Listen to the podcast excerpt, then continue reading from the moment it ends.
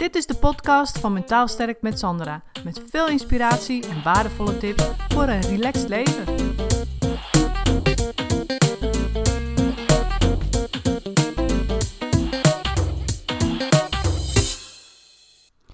Ik zat laatst een film te kijken en toen bedacht ik me dus ineens hoe krachtig ons verstand dus in verhalen kan geloven.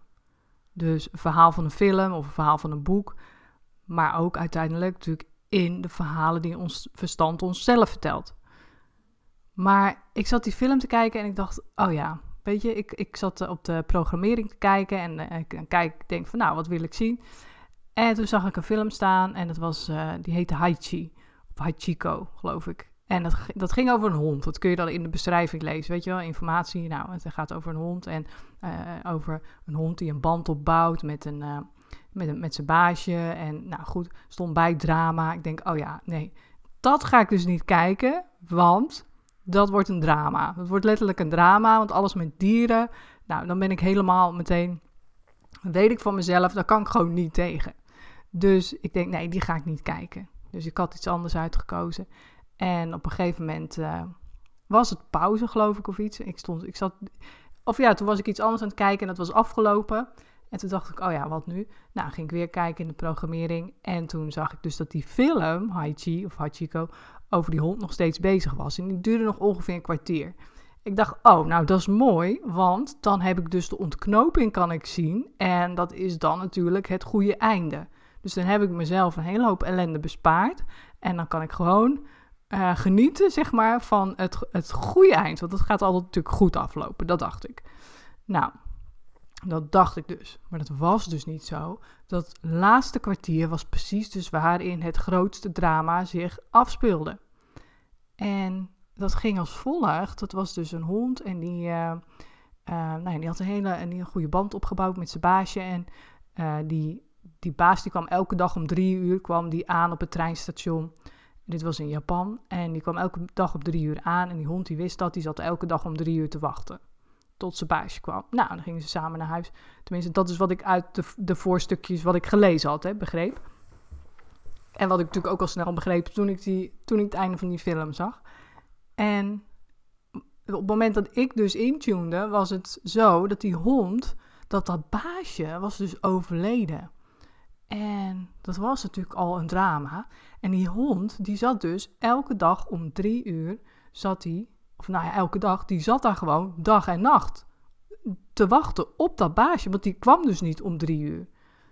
Dus, uh, en ik zag dus dat, dat uh, familie of zo, van die, die uiteindelijk dat baasje, zeg maar, van die was, dus was overleden, dat die dus contact hadden met die mensen die daar op het station uh, hotdogs en zo verkochten.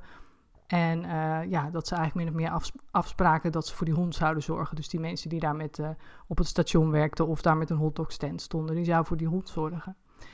En toen zag je dus, en het was echt dramatisch, zag je dus die hond, hadden ze dan in beeld. En er zat een boom achter en uh, je zag dus aan die boom dat elke keer de jaargetijden veranderden. Dus, uh, dus, het herfst, nou, toen was die boom kaal, was natuurlijk winter, en dan weer groen, voorjaar, zomer. En dat ging maar door. Die beelden, elke keer die boom, die veranderde maar. En ik, toen dacht ik echt van, nee, dat kan niet. Dus uh, zoveel jaargetijden, dat was uiteindelijk dus heel veel jaar bij elkaar, dat die hond daar zat te wachten. En, en ik geloofde dat natuurlijk. Ik, ik was helemaal, ik zat helemaal in het verhaal. Ik, ik dacht, toen dacht ik, en ik merkte dat aan mezelf. Ik merkte dat ik er helemaal in ging zitten. En er kwam een brok in mijn keel. Ik denk, oh wat zielig die hond. En toen dacht ik, nee, nee, nee, wacht even Sandra. Dit is gewoon, die hond die zit daar. Misschien hebben ze die vijf minuten in beeld gefilmd. En die moest zitten van de trainer op dat, uh, dat verhogingje waar die op zat. En die moest wachten.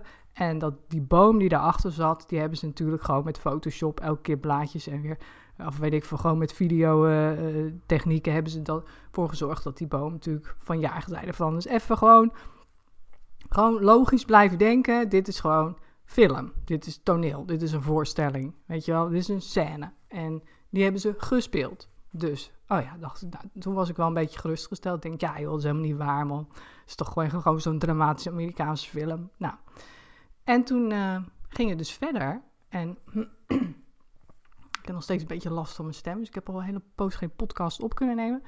Maar goed, ehm, die film ging verder. En eh, op een gegeven moment, uh, wat was het toen? Oh ja, toen ging dus die hond dood.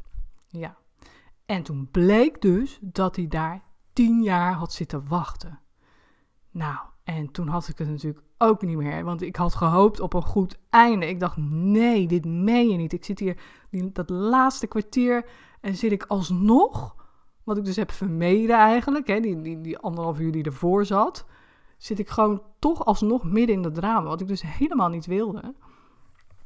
En het erge was, ik geloofde het dus dat, dat hele verhaal, dat geloofde ik. Toen dacht ik dus weer van, nee joh, die hond, hadden ze vies gemaakt, weet je wel, die was gewoon vies. Hadden ze een beetje uh, modder er doorheen gesmeerd en uh, die lag gewoon te slapen met zijn ogen dicht. Is het natuurlijk niet waar, Sandra, die ligt gewoon te slapen met zijn ogen dicht. Is niet echt dood. Die hebben ze gewoon gefilmd met zijn ogen dicht. En dat is het dan. Wederom gewoon een toneelstuk. Oh ja. Dus dacht ik, nou mooi. Hè, dus ik hoef daar niet zo dramatisch over te doen. Ik hoef dat verhaal niet zo te geloven. Ik hoef daar niet zo in mee te gaan. Maar toch, hè, het bleef me gewoon bij. Ik was er zo van, van gewoon jankerig van, zeg maar. Dat, dat ik echt dacht van, dit, dit, wat een rot verhaal, weet je. Het was gewoon, dat, dat einde niet goed af. En die hond ging ook nog eens dood. En daar tien zitten wachten. En nou, allemaal ellende. Dus het, bleef me gewoon heel erg bij. En dat heb je misschien zelf ook als je hooggevoelig bent, dat je dat gewoon, weet je, dat komt dan extra binnen. En uh, wat ik toen deed, was gewoon echt, het wordt steeds gekker. Want toen dacht ik, nou ja, weet je, dit, dit, ik hoop, toen dacht ik ineens van, ik hoop toch dat dit niet echt waar is. Hè? Dat dit, het zal toch niet, dat dit een waar gebeurd verhaal is. Hè? Dat, want toen dacht ik, nee, natuurlijk niet. Dus ik dacht dat voor mezelf even uit de lucht te gaan helpen. Dus ik ging googlen op die film.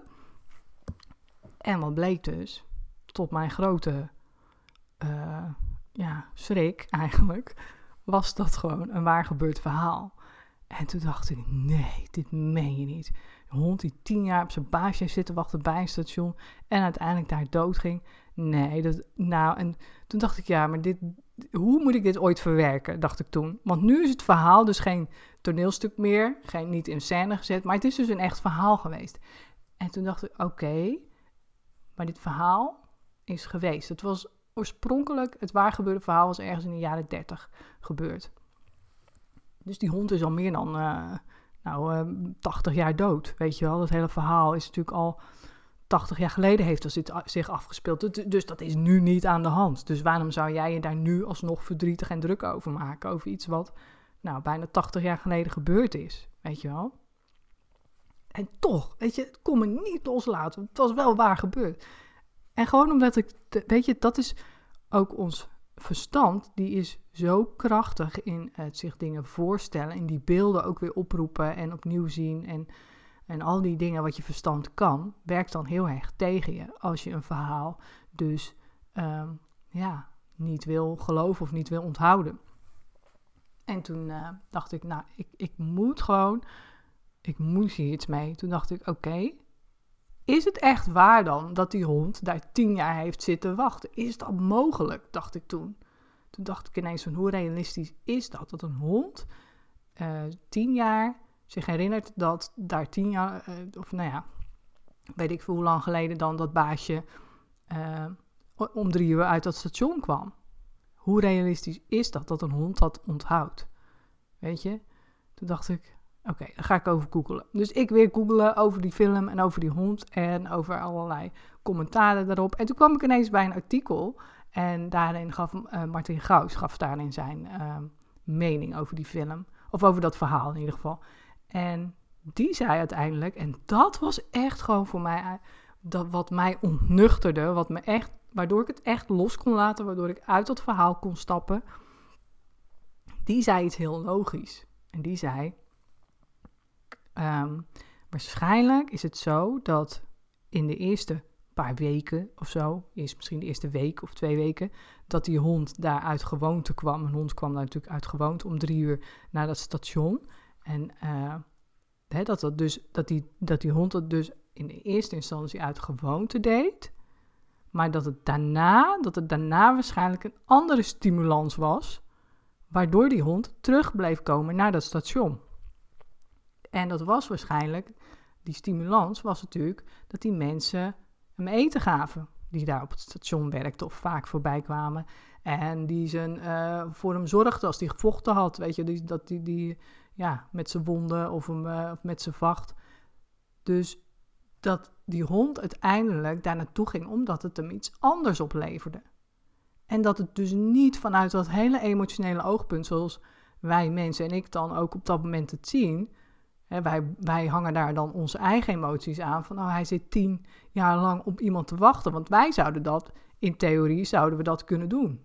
Omdat we herinneringen hebben aan mensen en omdat we uh, ja, zelf ons gedrag ja, daarin kunnen bepalen. En dus wij zouden dat in theorie kunnen doen. Je zou elke dag om tien uur, of uh, je zou tien jaar lang, elke dag om drie uur op een station kunnen gaan zitten wachten op iemand.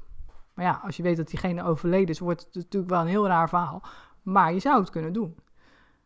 Dus die hond. Uh, het, is, het was veel logischer om te denken dat die hond dat niet deed uit emotie, maar uit gewoon puur wat honden, ja, hoe honden in elkaar zitten, die uh, reageren op conditionering. Hè? Dus ja, als je tegen een hond zegt zit en je geeft hem een brokje, gaat hij de volgende keer zitten als, als je zit zegt, want dan weet hij, krijg ik een brokje. Hè? Dus die reageren op, inderdaad op stimulans, op, op conditionering. En dus dat is veel logischer om te denken. En toen ik dat las, dacht ik, oh ja, gelukkig, weet je. Dit, dit makes sense gewoon. Dit is logisch om te denken. En niet dus die emoties van mijn eigen uh, ja, van, je, van je menselijke emoties zeg maar, op die hond te projecteren. En toen pas kon ik het echt loslaten. Dat ik dacht, ja natuurlijk, die hond die kwam daar gewoon omdat, omdat hij daar te eten kreeg, omdat hij daar verzorgd werd. En dan kun je het nog makkelijk tien jaar volhouden. Maar wij maken er een heel dramatisch verhaal van. En vervolgens geloven we dat dan ook nog. Dus toen dacht ik weer, weer oh ja, weet je, zo krachtig kunnen we dus in verhalen geloven. En Sorry hoor. En uh, zo krachtig kunnen we dus ook in onze eigen verhalen geloven. Dus als jouw, jouw verstand allerlei verhalen verzint, net als een film, van ik kan het niet, of het, ik doe het vast niet goed genoeg, of dit is moeilijk, het gaat me nooit lukken. Ja, en je gelooft daarin, net als ik in dat verhaal, en ik, net als ik, al daar mijn emoties in legde en dat die emoties daardoor met me aan de haal gingen, ja, dan heb je eigenlijk hetzelfde effect als ja, wat je hebt als je in het verhaal van een film gelooft. Of als je daardoor emotioneel in meegesleurd wordt. Het is hetzelfde als geloven in de verhalen van je eigen verstand die jouw verstand dus produceert. Ongetwijfeld. Iedereen heeft verhalen die zijn verstand produceert, die niet per se waar zijn. Dus bijvoorbeeld, als je vaak jaloers bent, weet je, dan heb je daar allerlei gedachten over. Dus bij elkaar een soort verhaal. Of als je angstig bent, dan heb je daar allerlei gedachten over. Wat ook weer een soort van, ja, het angstverhaal wordt. Of als je onzeker bent, dan heb je daar allerlei gedachten over. En elke keer als die voorbij komen, is dat het ik ben onzeker verhaal. Weet je wel? Dus Elke keer weer het verhaal waar we in geloven, waar we emotioneel door worden meegesleurd. Dus daarom is het zo belangrijk om los te komen van het verhaal, los te komen van die gedachten. En ik heb dat gedaan dus door uh, eigenlijk de feiten op te zoeken, hè, door dat heel logisch te gaan beredeneren. En dat hielp mij op dat moment enorm. Maar dat was ook makkelijk, want het ging over verhaal, over waar gebeurt verhaal en een hond. En ik kon allerlei feiten ook checken. Maar het is vaak moeilijker als het over je eigen verstand gaat. Over om daar dan van los te komen van dat verhaal en daar ineens niet meer in te geloven. Ja, dat is een heel ander ding. Weet je, als je altijd onzeker bent geweest of altijd angstig, dan wordt het moeilijk om dat verhaal zomaar ineens los te laten en daar niet meer in te geloven. Want je hebt misschien ook wel een hoop ervaring achter de rug die dat verhaal weer bevestigen. Dus vanwege die reden heb ik een, uh, dat kan ik niet in één podcast allemaal uitleggen, maar er zijn een heleboel leuke, grappige en speelse technieken die je kunt toepassen om dus los te komen van die gedachten. Dus uit dat verhaal te stappen en dat verhaal niet meer te geloven. En Dus ook niet meer te worden meegesleurd door die emoties van het verhaal, wat er dus in jouw hoofd speelt. Daarvoor heb ik een uh, masterclass gemaakt en dat is echt leuk, want die masterclass die kun je gewoon online volgen.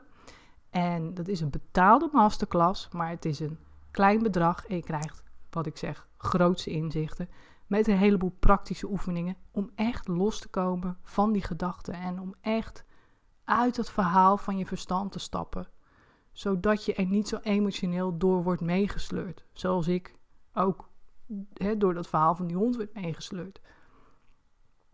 En dat maakt je leven gewoon een stuk makkelijker ineens.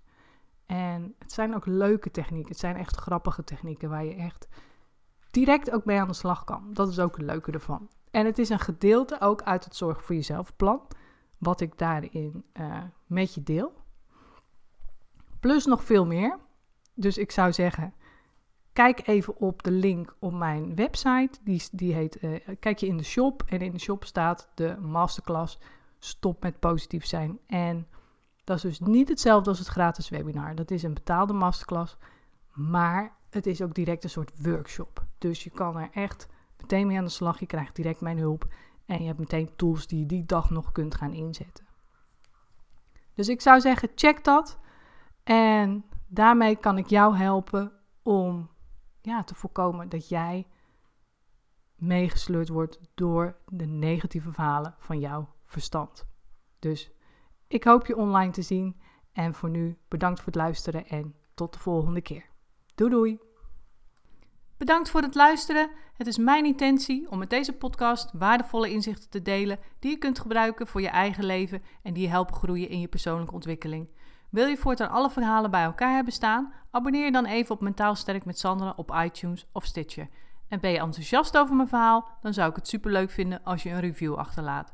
Dat kun je doen in iTunes of Stitcher en geef je bij beoordelingen en recensies een korte review. En ben je echt enthousiast? Geef dan 5 sterren. Dat zorgt ervoor dat ik hoger in de ranking kom te staan en nog meer vrouwen kan inspireren tot een relaxter leven. Mijn dank is groot als je dat even voor me wilt doen. Tot de volgende keer bij een nieuwe uitzending.